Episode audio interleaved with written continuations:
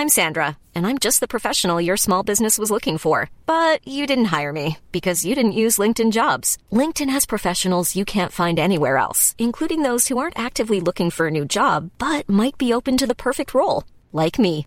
In a given month, over 70% of LinkedIn users don't visit other leading job sites. So if you're not looking on LinkedIn, you'll miss out on great candidates like Sandra. Start hiring professionals like a professional. Post your free job on linkedin.com/people today.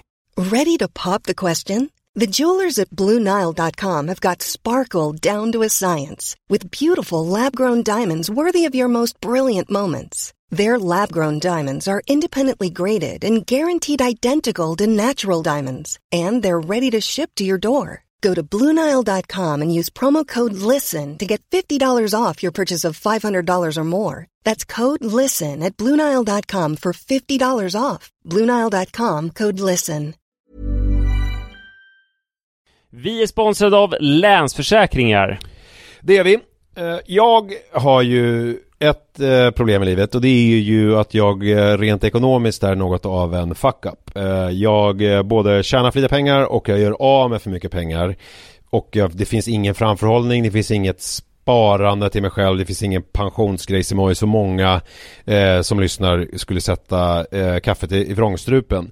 Eh, när de förstår Ja, de gör det nu. Ja, när de förstår hur illa ställt det faktiskt är. Däremot så har jag lovat mig själv att jag ska inte låta den här ekonomiska fuck-uppigheten, som jag kallar den, föras över på mina barn. Eh, this ends now, har jag sagt. Och drag, dragit ett streck i eh, marken Bra. med kolkrita.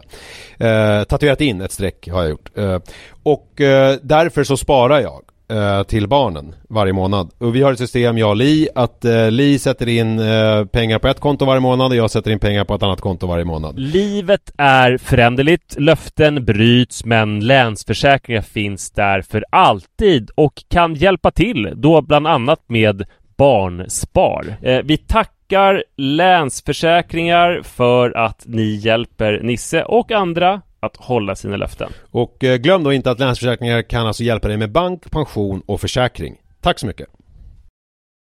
Vi är sponsrade av Joina som är ett nytt spel för dig som är över 18 år från Folkspel. Folkspel är ju föreningslivets ideella lotteribolag. Ni känner alla till Bingolotter och Sverigelotter som har tjänat ihop 17,5 miljarder till föreningslivet sedan starten 1991. Ja, och är det någonting som jag älskar med föreningslivet så är det ju att eh, det ger upphov till liksom fysisk aktivitet och härliga upplevelser för mina barn.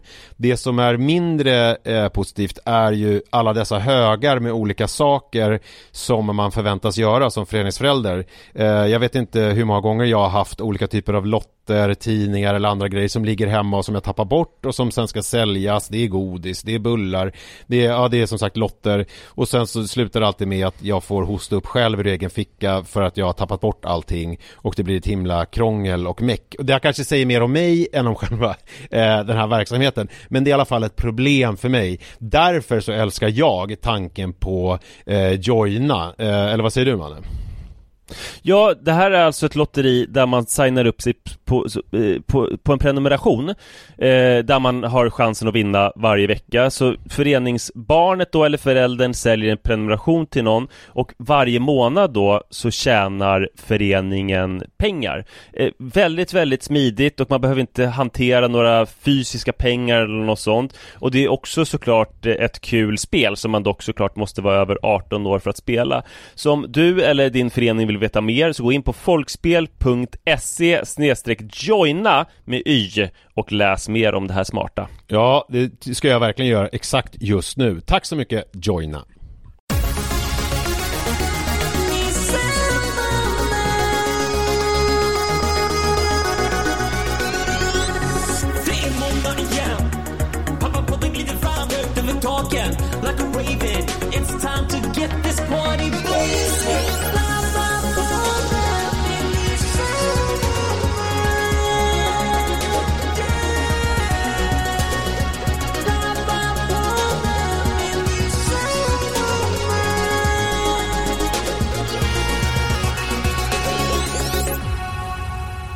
Hallå hallå! Varmt välkomna ska ni vara till eh, Pappapodden, avsnitt nummer 571.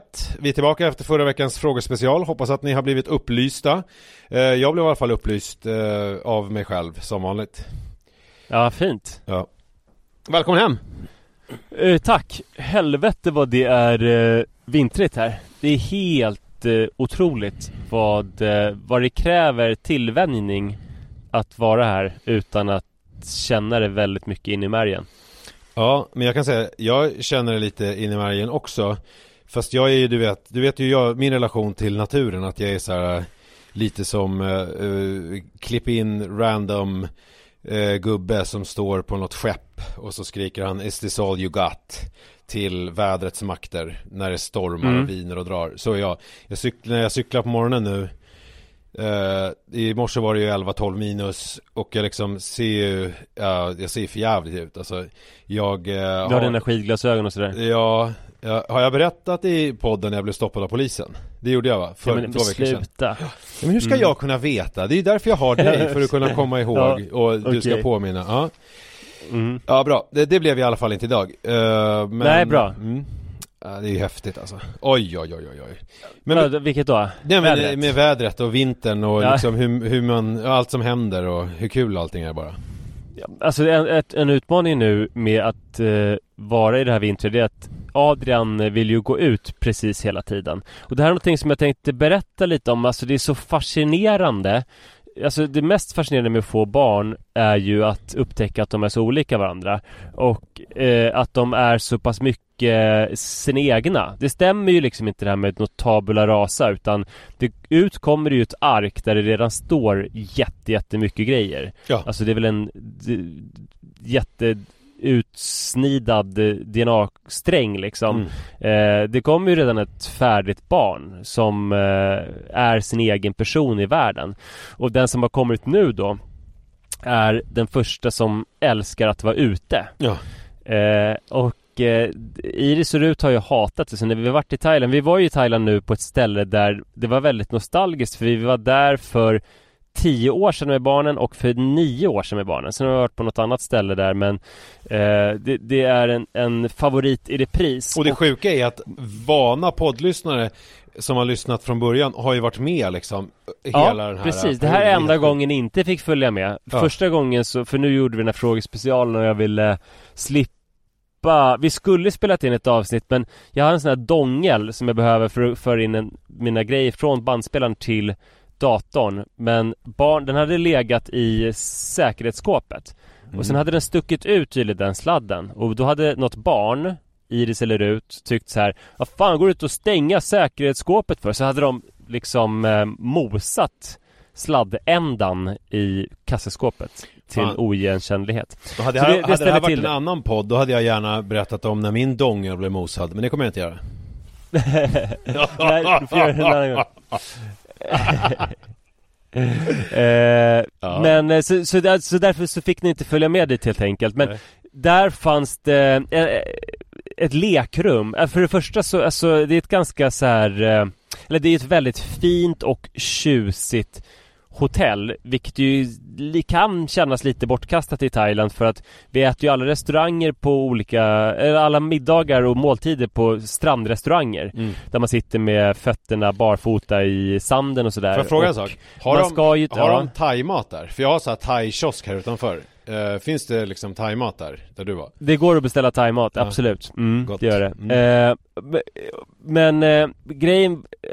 Och, och sen så finns det ju ett hav där som är turkost och väldigt varmt och skönt och en lång strand. Så därför kan det kännas lite overkill att ha ett fint och bra hotell. Men det är ju för att barnen, när de var små, tyckte så mycket om att vara på ett fint hotell. För de ville vara i ett poolområde där man inte fick sand på sig. De ville vara i ett lekrum. Det finns ett lekrum där vi var där så mycket så att då för tio år sedan så var det då jag lärde mig att gå på händer i vuxen ålder. för att vi hängde där så mycket så att jag behövde liksom ha någonting att göra medan barnen lekte där i timtal. Det var så skönt, det var så rent och fint och massa leksaker och Det var ju då ingen ni sand utvecklade det här inomhus. Eh, och det var ju då ni utvecklade det här otroliga systemet också, du och Sara med, Ja, eh, med exakt. att få vara på stranden och läsa och vara med barnen Ja precis, och de hade en Bamseklubb Ja ehm, så Där vi lämnade in just på det här stället så var det, det var bara Iris vi lämnade in. Rut var för liten båda gångerna, man skulle vara tre år.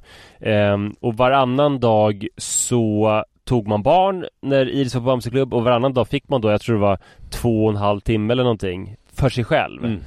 Eh, Men även den här dagen när man drog det kortare strået och, och fick vara med barn när Iris var på Bamseklubb Då fick man istället en timme på eftermiddagen typ när Rut skulle sova i tröstpris Mm. Så man hade då, ja, eh, precis eh, Men vi var så mycket i det där lekrummet eh, För att det var luftkonditionerat och barnen gillade att vara inomhus och sådär Mm.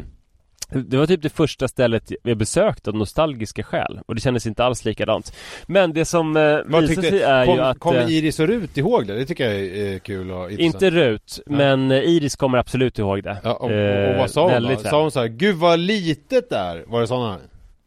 Ja, faktiskt exakt så. Ja. Det var ju jättestort förut. Ja. Eh, men grejen är då att Adrian är ju av ett helt annat virke, så han vill vara ute hela tiden. Mhm. Eh, så att när vi börjar gå mot rummet varje gång så säger han Ute, ute ja, Mm. ute ja. Mm. Och sen när man kommer in på rummet så vill han absolut inte ta av sig skorna. Ja. Han, dels älskar han sina skor men sen så är det Det blir så definitivt för honom då att vi ska vara inne och han vill inte det. Ja, ja. Och sen till och med på nätterna så vaknar han och säger Ute ja, ute ja. så hela tiden vill han vara ute och sen så är det så roligt för att Ibland när man är ute, vi är ju nästan nästan bara varit ute i två veckor Men vissa utemiljöer är liksom inte självklart ute Så man kan vara ute på en lekplats Mm. eh, utomhus fast han ändå säger ute ja och då vill han hitta något, någon miljö som känns som mer ute än den här lekplatsen där det ändå kanske hänger någon segelduk eller skuggskydd eller sådär Men, men lyckades du Hela lista tiden. ut vad som var ute för honom? Alltså, Ja men stranden var väl alltid i alla fall solklart ute liksom mm. eh, Men han kunde inte riktigt släppa det, han skulle vara ute hela tiden. Mm. Känns som att om man skulle ha sådana barn då skulle man ju aldrig behöva bo på dyra resorts. Då skulle man ju verkligen kunna bo på de enklaste strandbungalowsen Mm. ja, Min enklaste bungalow någonsin Det var 2004 Nej 2005, början av 2005 Då eh, hyrde jag på Kopanjang en bungalow för en amerikansk dollar natten Mm. eh, Men jag stod bara ut två nätter för det enda, det, det enda som fanns då var ett myggnät och en madrass i eh, alltså skumgummi utan något överdrag. Och det luktade så jävla jävla surt där inne. Så att fast jag var liksom 20 år och inte så jättenoga med sånt så tyckte jag att det var äckligt Men hur och kunde du svårt, ingen lukta- fläkt eller någonting. Lukta om det bara fanns ett myggnät? Men det var ändå typ, det var ändå väggar? Ja det fanns ju väggar, Ja. ja ja, det var en Ja. bungalow Ja. alltså Där det precis fanns plats med en skumgummimadrass utan överdrag och ett myggnät Det var Låter det som fanns som att liksom, i man- här Skulle lägga en dollar på boendet och resten på typ en sån här opiumpipa eller någonting Så skulle man ligga där och Ja, bort det, det gjorde jag. Det fanns faktiskt opium att köpa på den där stranden. Mm. Eh, som jag dock drack som te. Men jag stod ut två nätter och sen så tog jag en Så svindyr trots bungalow opium så för- stod det bara ut två nätter? Ja, nej det gick inte. Det är ju ingenting Jag, kan behövde skriva. betala 6 dollar eller någonting i alla fall. Jag behövde en fläkt också. Nej, det är ingenting Ja. för Nej, resekatalogen så ute! Mm. Utelivet Mm. är det som gäller med den här och man blir också jävligt sugen på då att, alltså jag vill ju ha eh, 100 barn eh, för att se hur olika de kommer vara. Vad, vad det finns för olika typer liksom med det underlag som Sara och jag har med våra gemensamma gener. Dock så blir det svårt att, att hitta på vad man ska göra på en semester om man har 100 barn som drar åt väldigt olika håll. Ja, jag skulle vilja ha så många barn Så att jag kom ner till den här uh, Svante Pääbo Den här, uh, vad heter det uh, uh, Nu har jag fått afasi, vad heter det här uh, Inte Homo sapiens, vad heter det här andra folk? De här andra människorna Homo erectus heter de va? Mm. Eh, Just det. Att vi också har dem i oss ju Nej, neandertalare menar jag Ja. Ne- Neandertalare, att vi har deras DNA Att det, det är ju det han har kommit på ju Att eh, du, du vill ha så många barn så att det kommer fram en som, som, Som är en neandertalare, neandertalare. Precis Ja. Eh, Den delen av mitt DNA vill jag liksom Mm. Så du får hålla på ett tag Eh, Det ja, är kör hårt. Eh, Det är som när Sune i Sunes sommar Försöker få den där ringen Som han ska fria med Mm. till den här tjejen som ju för övrigt är helt snodd den scenen av eh, eh, Peter Dalles karaktär i Ogifta par som det slår mig nu är ju mycket senare så det är Peter Dalle som har snott scenen från Sunes sommar Eh, för Peter Dalle gör ju samma grej att han står och försöker hitta en sån eh, vigselring i ett sånt där godisautomatskåp eh, när han ska hem till Lena Endre och fria efter en blöt natt Pinsam stöld, inte den mest creddiga Verkligen inte. Det hade ju varit eh, creddigare om det var tvärtom. Men nej, fy Mm. skäms Peter Dalle. Eh, får jag flika in här nu i dina Thailands liksom eh, berättelser med en lite mer eh, diskbänksrealistisk vintersaga? Ja verkligen Jag eh, har en kompis som jag tillika har en podcast med som heter Manne Forsberg. Jag vet inte om du känner till honom? Har hört talas om honom ja Ja, eh, han i alla fall var otroligt snäll och eh, erbjöd sig att låna ut sin bil till mig. Han har två bilar, den här Manne Forsberg. Mm. En som är lite större, som är väl lite mer Eh, alltså första bilen och sen så har han en lite mindre bil som är eh, som jag, jag vet inte riktigt exakt vad den har för funktion men det är väl skönt att ha två bilar och jag har förstått det som att det är den bilen som han använder ganska mycket om han ska åka iväg och kanske springa någonstans eller åka några skidor eller det, Exakt, det är skönt det köpt, inköptes förra vintern som en skidbil. Det var ju Sara föräldraledig. Nu kan jag ju ofta ta vilken bil som helst eftersom hon ändå är på jobbet. Men jag ville kunna sticka iväg på morgnarna, åka skidor ehm, Och det funkade inte om Sara liksom Nej. kom på att hon ville köra någonstans när hon var hemma med Adrian. Så jag fick i alla fall låna den här bilen och vara hemma hos honom och hans familj Precis innan de åkte här till eh, Det var väldigt kul att ni kom, eh, all, allihopa. Hela, hela gänget kom och Hela fikade. Eh, Och det var ju jättemysigt. För övrigt så är det du nu officiellt ehm, Lilla Manne. Och eh, Lilla Manne är officiellt Stora Manne. För vi var på BUP idag på hans årliga läkarkontroll med anledning av hans Ja. ADHD och nu är han 1,84 Va? Japp Fan vad sjukt, vi ställde oss bredvid spegeln och både han och jag tyckte att jag var längre Ja men nu, ja, det här med de här Jag längd... kanske också växer Ja, men de här längdgrejerna, fast jag menar det här är ju, Ja, de det här är ju flera veckor sedan Eh, Mm. ja. ja, men så att eh, då, det var ju, det är ju fascinerande att han är så Ja, jävla lång. Han är ju längre än jag Ja. nu i sommar För jag är ju som alla vet Ja. 1,85,5 Det är ju liksom ingen, det är ingen som har missat den saken Eh, Nej. Nej, som har lyssnat på den här podden Hur som helst i alla fall Vi var hos er eh, och tog en fika Jag släpper det här nu, tredje person, singular och Ja eh, bra, jag pratar om tänkte, i att det skulle bli svårt. Ja, det kändes lite märkligt. I alla fall, det var jättemysigt. Och vi fick den här bilen och eh, jag körde iväg med den. Eh, och jag kan ju, alltså om någon kan någonting om bilar så är det inte jag. Jag kan ju ingenting om bilar. Alltså verkligen ingenting. Men du, du har återkommit till den du har pratat om senaste veckan Men, men liksom, vad är att kunna någonting om bilar? Vad kan folk som, om bilar som du inte kan liksom? Nej, men jag vet inte. Alltså, typ folk jag eller Nej, men jag Martin vet inte, eller jag vet inte, vänner ja, Martin kan ju jättemycket om bilar. Han kan ju Ja. saker om bilar. Han kan väl kamrem, han kan väl så här hjulaxel och buggtryck kanske han kan slänga sig med. Han kanske kan eh, prata lite om hjulaxel. Han kanske kan han kanske kan lite med olika tändningsmotor eller jag vet inte. Han, eh, energiöverföring, alltså olika sådana grejer kanske han kan säga, inte vet jag. Eh, Men eh, jag kan ingenting i alla fall. Eh, men när jag körde därifrån så tyckte jag så här, ja den här bilen låter ju lite, låter lite speciellt. Men jag tänkte inte på det. Och så körde jag i alla fall.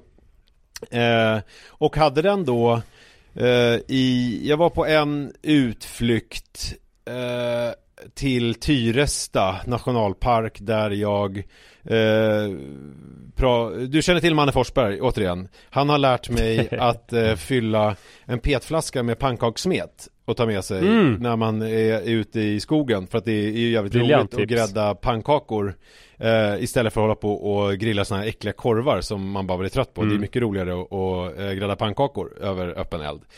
Ja, Eh, så då var vi där i alla fall, jag och Jojo och eh, gräddade pannkakor. Och då hade jag bilen. Tyckte fortfarande att den lät lite konstigt men det var inga, inga större konstigheter. Och det här var på nyårsdagen. Så då hade jag haft bilen några dagar men inte gjort egentligen några turer med den. Eh, Och sen på kvällen på nyårsdagen så ville eh, Manne Edvall, som du känner till. Det här kommer aldrig sluta med det här.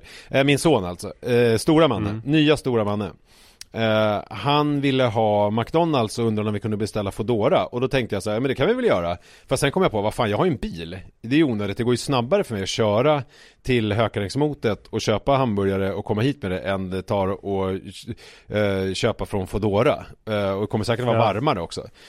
Så då tog jag bilen till eh, McDonalds vid Hökarängsmotet som är alltså är, vad tar det då, kanske 5-6 minuter härifrån med bil. Tyckte fortfarande att det lät lite konstigt. Eh, Men tänkte inte så mycket på det. Och sen Du så, hade hunnit köra till Tekniska museet också va? Ja det hade jag gjort. Det har du koll på, Ja. det hade jag glömt bort. Mm. eh, Det var jag verkligen. Jag var på Tekniska museet, nej Sjöhistoriska körde jag till. Eh, tek- Okej, mm. Tekniska var jag, eh, det var sen, vid ett senare tillfälle. Jag var på sjö- ja. Sjöhistoriska, eh, men i alla fall Så, eh, så, så var det lite så här eh, isigt ute då Så att då skulle jag skrapa bilen innan jag körde iväg Jag klipper tillbaks lite i historien för jag glömmer det här för det här är en väsentlig del Och då märkte jag att eh, Manne Forsberg inte hade en isskrapa i bilen som jag kunde se Det är möjligt att den fanns någonstans på en hemlig ställe men jag såg i alla fall ingen Så då var jag tvungen Jag har skitbra isskrapor till den bilen, Ja. så det fanns nog i bakluckan Ja, ja, i bakluckan ja. Ja, där tittade Ja. inte jag. Jag tittade i handskfack och tittade i de här sidodörrarna. Eh, Nej, men jag har vä- väldigt ordentliga don Ja. annars mm. Så då lånade jag en isskrapa av en granne som stod och skrapade sin bil. Eh, Mm. Och sen så körde jag iväg så tänkte jag säga jag måste köpa en isskrapa. Så då stannade jag till på eh, eh, vad heter det, inte O- det heter ju Circle K där i Hökarängsmotet. Mm. Och eh, precis utanför stannade jag till och gick in och köpte en isskrapa och sen så när jag kom ut och satte mig i bilen Då när jag startade den, då eh, gick den igång. Men sen så fort Mm. jag liksom eh, trampade ner kopplingen och eh, skulle liksom lägga i ettan, för det är en manuell växellåda Då dog den. Eh, Så att det, den, motorn var bara igång så länge jag höll gas. Eh, Och då tänkte jag så här, den kanske är kall. För återigen, jag vet ingenting om ved axlar och drivremmar och sånt. Så jag bara, den, jag, jag kör igång den lite. Så att då eh, drog jag igång den igen, höll ner gasen eh, Och sen så en stund och sen så tryckte jag ner kopplingen Och så släppte jag upp gasen men då dog den igen när jag skulle lägga i. Och då tänkte jag så här, äh, fuck it. Den, det, det är något eh, keft här. Jag, Så jag startade den eh, på dragläge eh, eh, liksom Och med ettan i eh, Och sen så drog jag iväg liksom direkt utan att, utan att liksom trampa ur kopplingen så att säga. Eh, och då kom jag iväg till McDonalds där jag då gick in och beställde. Och sen så när jag hade beställt så gick jag ut och så tänkte jag jag får köra samma grej igen. Men då gick den inte igång alls. Då bara stod den och tuggade. Eh, Så att jag, då visste jag inte vad jag skulle göra. För jag kan ju ingenting om vevaxlar och eh, kulramar. Så då gick jag tillbaks till eh, eh, Circle K för jag tänker det här är en mack de vet saker om sånt här. Och så sa jag eh, vad som hade hänt och då tittade de bara konstigt på mig och så bara Du får ringa en bärgare, vad gör du här? Jag säljer korv. Jag säljer korv och bensin typ. Jag bara, okej. Så då är jag bara bärgare, jag vet ingenting om bärgare. Eh, Ja men då googlade jag på bärgning och så kom det ett nummer och så ringde jag Och så frågade de om registreringsnummer. Jag bara registreringsnummer, tror du att det är min bil eller? Eh, och hon bara va? Jag bara ja och så förklarade jag då att jag hade lånat den av Manne Forsberg. Hon visste inte vem det var. Eh, Nej, fan. Ja det var jättekonstigt. Men jag sa att jag vet vem det är. Han gör jag en podcast med. Eh, och sen gick jag ut och kollade registreringsskylten. Och då sa hon den här är försäkrad via det här och det här försäkringsbolaget och bla bla bla, det här, allt det här ingår, na na na na na. Och sen så var det skitsmidigt för sen på typ åtta minuter kanske så kom det en bärgare. Och han försökte starta den, han bara det här är, han var bombsäker, han visste mycket om kulaxlar och eh, fisringar. Eh, Så att han bara det här är batteriet.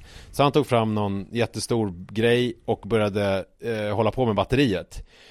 Och sen så bara, nu, nu ska du se Vad sa han med så här myndig stämma. Och så drog han igång den. Och då blev det precis som när jag skulle starta den på macken första gången. Eh, Alltså att den gick igång Men sen så fort han trampade ur kopplingen så dog den. Han, Då började han se lite bekymrad ut eh, Och han bara hmm. Och så försökte han lite till Och så öppnade han eh, eh, Vet du det, den här saken längst fram Där man har motorn Motorrummet. Motorhuven. Ja, han öppnade den ja. Du kan ju, hörru. Vad fan, har du gått, har du gått fordon eller? På Ja, absolut. Mm. Eh, nej just det, du var ju kompis med den där Al Fakir-pappan Var inte han någon bilmek? Jo exakt, Ja. Nabil Al Fakir, både fordonslärare och bilmekaniker Ja, så att du, Eh, du är ju som Det har Obelix smittat av sig Du är som Mm. Obelix med trolldrycken, är ju du med Mm. bilmekanik Men i alla fall, eh, han förstod ingenting och stod och, och, och kliade sig i huvudet och såg ut lite som Petson typ eh, och eh, sa att nej, han måste ju in på verkstad. Och sen så eh, ja, tog han den och drog. Och där stod jag med min kalla, mina kalla hamburgare och fick ta en taxi hem. Och eh, visste inte vad jag skulle göra. Och för det var mitt i natten hos dig där. Eh, så att jag eh, tänkte att jaha, jag får väl åka hem och eh, säga till mannen att han får mikra sin hamburgare. Och sen så eh, tänkte jag inte mer på det här, utan då tänkte jag så här, nu ska jag beautify tillvaron, för det har jag lärt mig i Malena Ivarsson och Samanda Ekmans podd, att man ska beautify saker. Och det är ju någonting som jag tycker är väldigt trevligt, att man liksom gör det mysigt, att man gör allting gör lite vackert. Så då tänkte jag, nu gör jag någonting vackert av den här kvällen. Så jag tände ljus, eh, gjorde lite te, Eh, tog eh, några eh, fatser apelsinkrokant och la mig och läste Brett Easton Ellis nya bok och hade en ganska trevlig kväll. Eh, och sen så somnade jag. Och det var jullov så barnen skötte sig själva. Så Jojo brukar alltid krypa upp till mig och somna någon gång. Kommer det komma någon liksom crescendo i den där berättelsen eller så?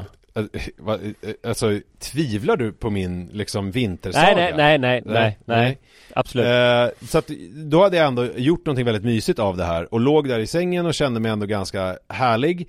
Och sen så visste jag då att Jojo skulle komma krypande för han liksom, hans rutin på jullovet har varit att komma och lägga sig bredvid mig när han känner sig färdig TikTokad eller Fortnitead eller vad han håller på med. Eh, Så att jag tänkte inte mer på det, somnade, vaknade eh, inte riktigt för att jag var djupt inne i någon sån här REM-sömn.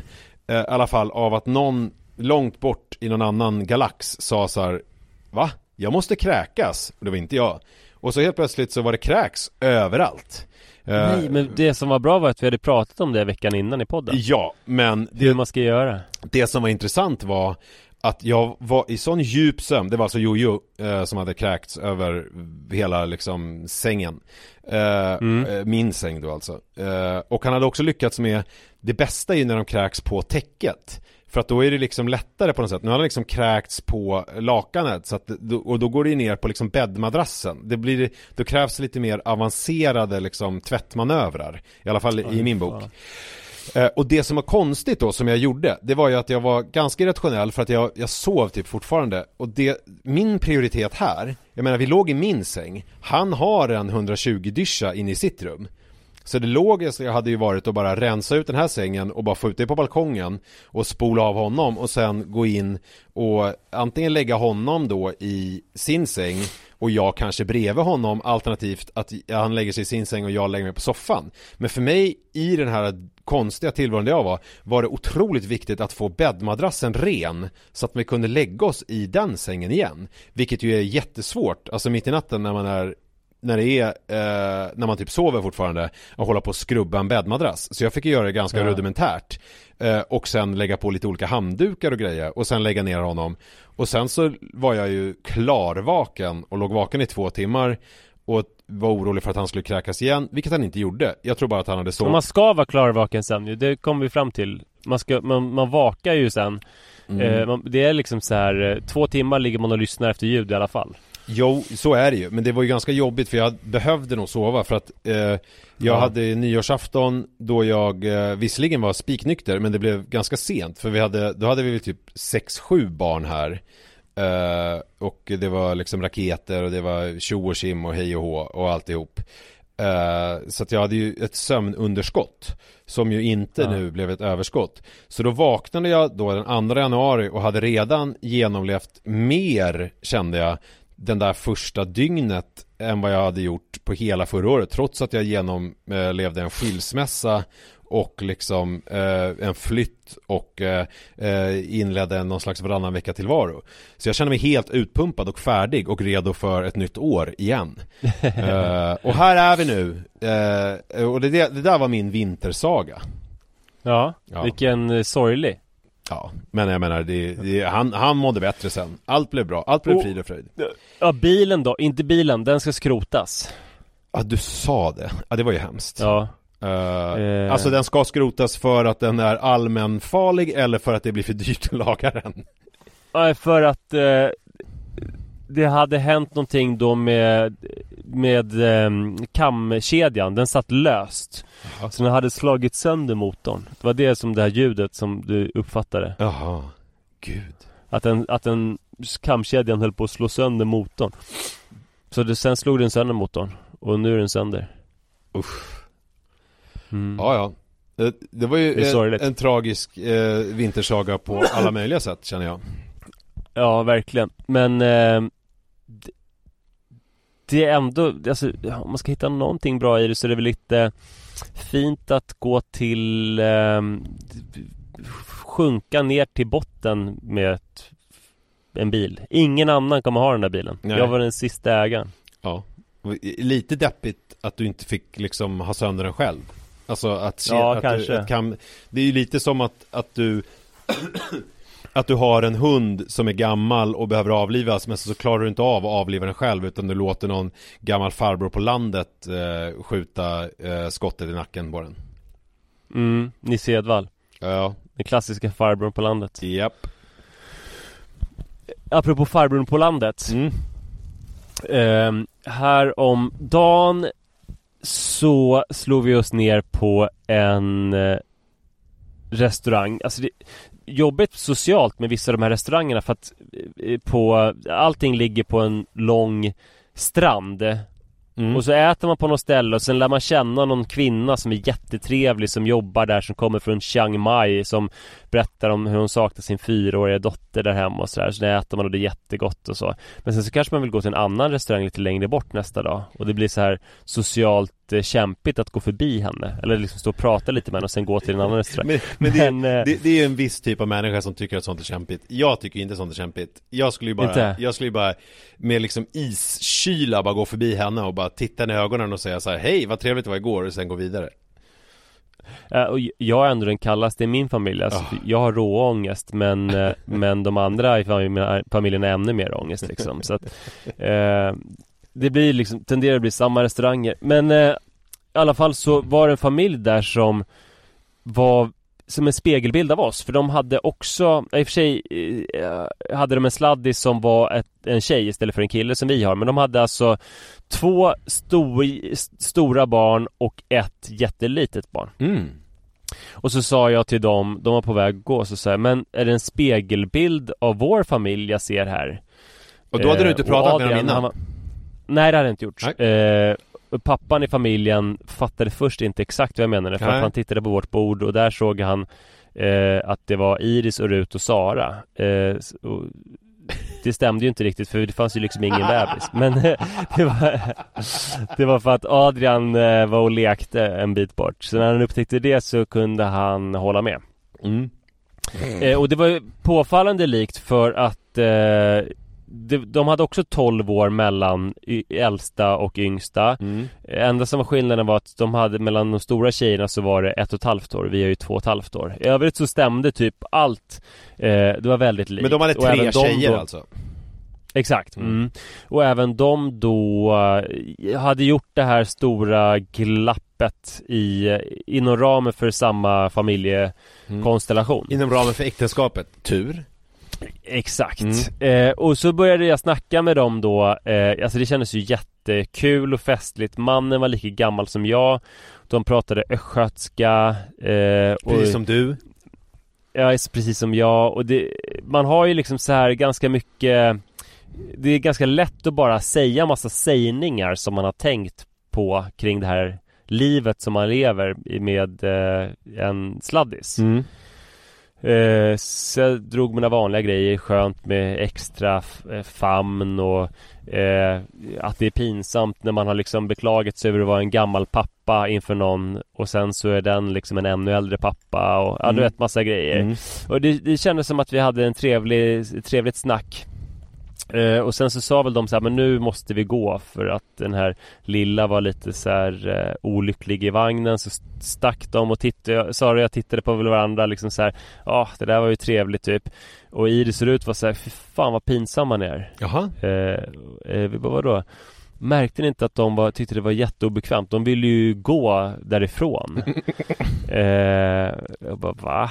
Eh, och, men man är så van vid att Iris och Rut hela tiden rackar ner på framförallt mig men även på Sara liksom. Mm. om jag säger någonting så kommer det en recension efteråt Mm. eh, av Iris och Rut som Mm. ofta är väldigt, eh, alltså inte så positiv. Ja just det Utan en väldigt negativ recension. Mm. De läser lusen av mig. mm. Och det enda jag kunde liksom hålla med om det var väl att efter att de på något vis hade visat att de var på väg därifrån så hade Sara ställt en till fråga. Mm. Annars så kände jag att barnen hade fel. Jag menar det här var väl liksom en trevlig stund av ömsesidighet och samtycke liksom. Just Eh, men sen nästa morgon när vi gick ner mot frukostmatsalen så såg jag dem på andra sidan receptionen Mm. och de fick syn på mig också Mhm. och tittade omedelbart bort. eh, och då tänkte jag att jag var ju inte heller så skitsugen på att prata med dem, Nej. alltså du vet på morgonen. Så du tittar också bort? konstigt. Ja, inte liksom, det var som att de tittade bort ännu mer intensivt än vad jag gjorde. Ja. Men då sa Rut, och kolla, de, de låtsas att de inte ser dig pappa. eh, och jag tänkte väl att, ja, det kanske stämmer men liksom det betyder inte att vi var pinsamma jag och mamma liksom utan det är väl Man kanske inte är så sugen på att träffa folk på morgnarna. Men sen så märkte jag att Alltså vi stött, det började bli jobbigt för att jag minns inte exakt men de hade typ sagt att så här, men vi åker snart. Mm. Men det där snart verkar liksom aldrig komma för att eh, jag stötte på dem tusen gånger till och de fortsatte verkligen titta bort. Alltså så här, så att jag förstod att så här Rut och Iris kanske hade givit en onödigt snäll recension. Alltså det, det var inte alls så att, att det var lite små socialt obekvämt utan för dem var det liksom rent motbjudande och Ja, ja, ja. jätte, kanske någonting som de kanske hade börjat ringa sitt försäkringsbolag och berättat om att det hände någonting så otroligt gränslöst socialt märkligt så att de borde få lite pengar tillbaka för de har inte kunnat njuta av sin vistelse och de skulle behöva psykologbesök och sånt där. Eh, De kanske kräktes ner i sängen precis som Jojo Eller liksom mannen vaknade kallsvettig på natten och sa inte ut jag utan sa bara bort härifrån jag Vill ja, inte vara här exakt. Som eh, Nej, eh, och det kulminerade i att jag utan att tänka på det råkade gå rakt förbi deras bord en morgon när de satt och åt frukost och de, hela familjen bara tittade rakt åt andra hållet fullkomligt livrädda Men sa du någonting då? jag, eh, Provocerade de dig? Nej, det gjorde jag inte. Nej, okej Nej, eh, men det var så himla fascinerande och förutom att de tog sånt avstånd från mig så märkte jag att det här är liksom första resan eh, då vi umgås helt och hållet på vår egen kant. Mm. Det var liksom inte så, för, det är för att barnen är så stora och osociala, de har liksom varandra Mm. och de tycker att det känns helt otänkbart. Jag frågade ibland så här, är ni inte sugna på typ så här slå er i slang med någon i er ålder? Så det, det var det pinsammaste de hört talas om. Mhm. Alltså de kunde absolut inte ens tänka sig att titta på någon jämnårig om det fanns någon i närheten. Eh, medan när de var mindre så var de i olika barnklubbar och sånt där och man stod och väntade på att hämta dem med andra föräldrar som man började snacka med och som man kanske gick ut och käkade med och sådär. Men ni har ju Eh, och Adrian de fick som en sån vänner och- eh, eh, Ja men han är liksom lite för liten, han leker ju inte riktigt med folk. Nej jag fattar Eh, han gjorde eh, Det var faktiskt otroligt i och för sig På eh, På varje sån här restaurang så finns det massa leksaker där barnen kan stå och leka. Och då gick han fram till en yngre kille och ställde sig bredvid och sa Adrian. Mm. Alltså att han gick dit och presenterade sig. Mm. Men det ledde inte riktigt till någonting. Så att eh, Nej så att det är första liksom, resan där vi Vår familj är helt, eh, helt ensamma. Och, och vad Eh, skapade det i dig då? Blir man ju nyfiken på och umgås liksom intensivt på det där viset med liksom Nej men, eh, alltså jag gillar nog eh, det, alltså jag har det är inte så att jag saknar det, utan mer, det var mer bara ett ett konstaterande så här, Gud vad eh, ensamma vi är. Eh, alltså, Och det är väl så att Sara och jag Vi kanske har glömt hur man gör. Alltså hemma, idag till exempel, det här brukar jag ju berätta om Hur mycket olika barn det är. Idag Adrian hade det otroligt härlig eftermiddag hemma för att det var åtta tjejer hos oss Oj Alltså Eh, inklusive eh, Iris och Rut Inklusive Ja. våra eh, Rut hade med sig fem kompisar och Iris hade med sig två kompisar eh, Det blir ju nio. Så att Är det? mm. Du räknar fel. Mm. Jag kan ingenting om kullager, men jag kan ma- äh, huvudräkning. Ja du har rätt, det, Mm. det stämmer ju precis. Det, Mm. det var nio tjejer Mm. eh, och han tyckte det var väldigt underbart men så är ju livet tycker jag att de är liksom en social motor och har varit hur länge som helst som vi på något vis förlitar oss på. Så att när den sociala motorn dör då kommer det inte in några nya kontakter i familjen. Men när Sara och jag försöker då lite ta fatt på en restaurang då blir det ju ödesdigra konsekvenser som att vi blir eh, eh, alltså att vi traumatiserar folk som sen undviker oss i flera dygn. Jag tänkte på det så här, vad hemskt det är För jag är ju väldigt bortskämd med i mitt liv Av att eh, jag, jag har alltid tänkt att eh, jag håller fram mig själv lite som en present i min omgivning. Mm. Att jag, jag har alltid tänkt att om jag pratar med någon eller visar någon intresse så tycker personen, alltså så blir personen glad. Ja. Eh, och om, om den personen inte blir glad över det visade intresset så är det inte för att jag är socialt apart utan för att den är socialt ointresserad. Mm. Alltså så gott självförtroende har jag haft socialt.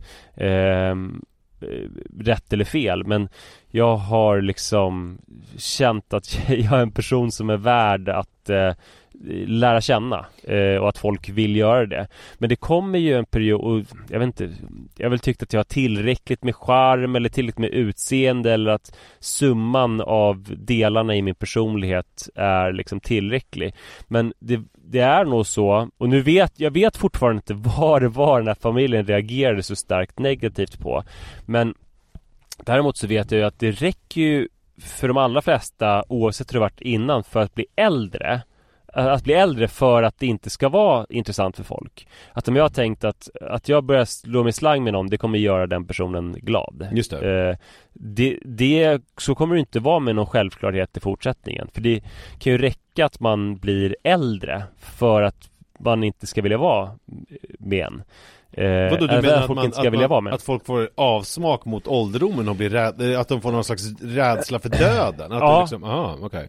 Nej nej att Nej. bara säga men vad är det där, där kommer en jävla gubbjävel som ska snacka med en liksom. Det Mm. vet man ju själv. Eh, gubbjävlar som ska snacka med en. Eh, som man kanske hade inte alls, eller som man gärna hade pratat med 30 år tidigare men bara att det liksom blir några andra konnotationer att man inte ger dem samma chans riktigt. Fast det stämmer ju inte riktigt i det här fallet då eftersom det här var väl en han, du sa att han var i din ålder, det var ju en annan gubbjävel. Så det faller Ja, ju på... nej precis. Här, här var det någonting annat men jag Mm. tänkte det att eh, att det här kommer ju kanske ändå bli vardagsmat på något vis.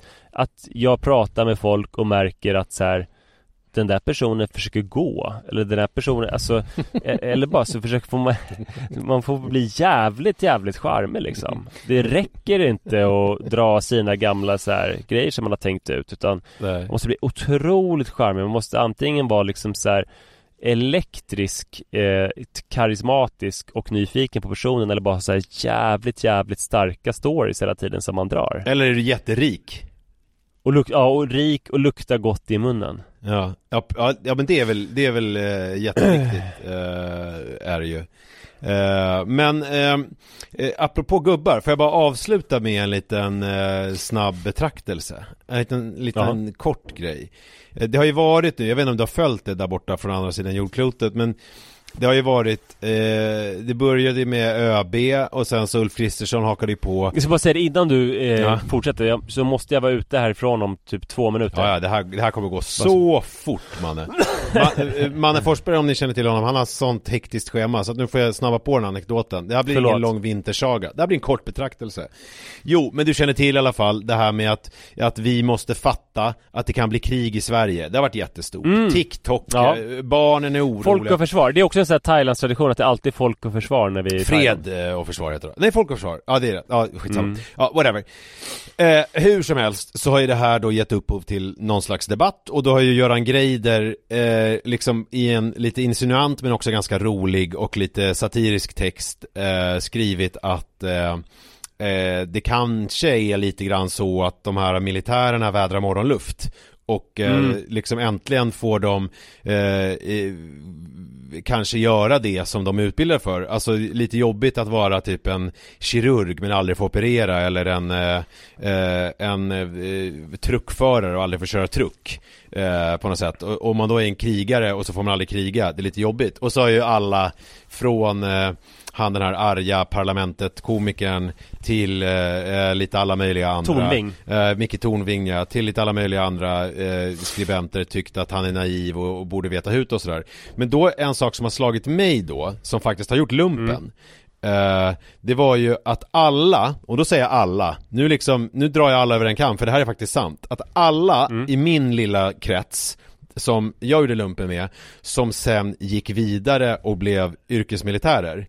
Jag kan säga så här, det var de som ville kriga. Det var de som ville ha krig. Det var de som tyckte det var jävligt roligt att göra lumpen och vara soldat. Och eh, var intresserade av kolla på krigsfilmer på luckan när det var liksom eh, eh, kväll och ledigt och eh, eh, putsade kängorna och eh, pratade väldigt mycket om automatvapen och haubitsar och eh, handgranater och olika typer av eh, pansarfordon och annat. Det var liksom inte, det var inte de som eh, ville därifrån och som ville hem och som tyckte att det här var jävligt onödigt och varför ska man ha en uniform och varför skriker de åt den och varför ska vi kriga för? Det verkar jävligt onödigt att slåss när man kan typ prata med varandra. Det var inte de som blev eh, eh, yrkesmilitärer. Jag ville bara liksom slänga in det för jag känner att jag har en plattform här, jag har en podcast och då vill jag ändå bara föra in det i liksom eh, debatten.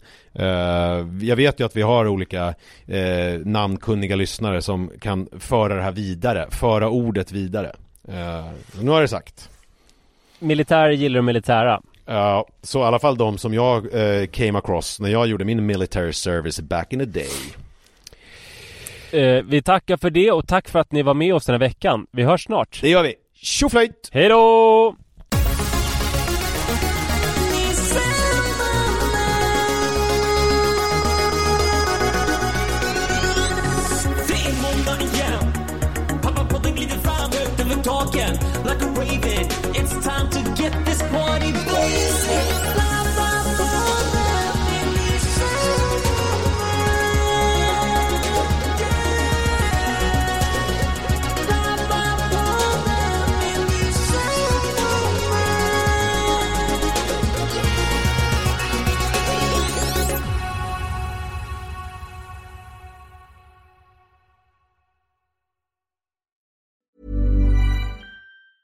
Hi, I'm Daniel, founder of Pretty Litter. Did you know cats tend to hide symptoms of sickness and pain? I learned this the hard way after losing my cat, Gingy. So I created Pretty Litter, a health monitoring litter that helps detect early signs of illness by changing colors, saving you money and potentially your cat's life. Pretty Litter is veterinarian developed, and it's the easiest way to keep tabs on your fur baby's health right at home. Go to prettylitter.com and use code ACAST for 20% off your first order and a free cat toy. Terms and conditions apply. See site for details. Planning for your next trip?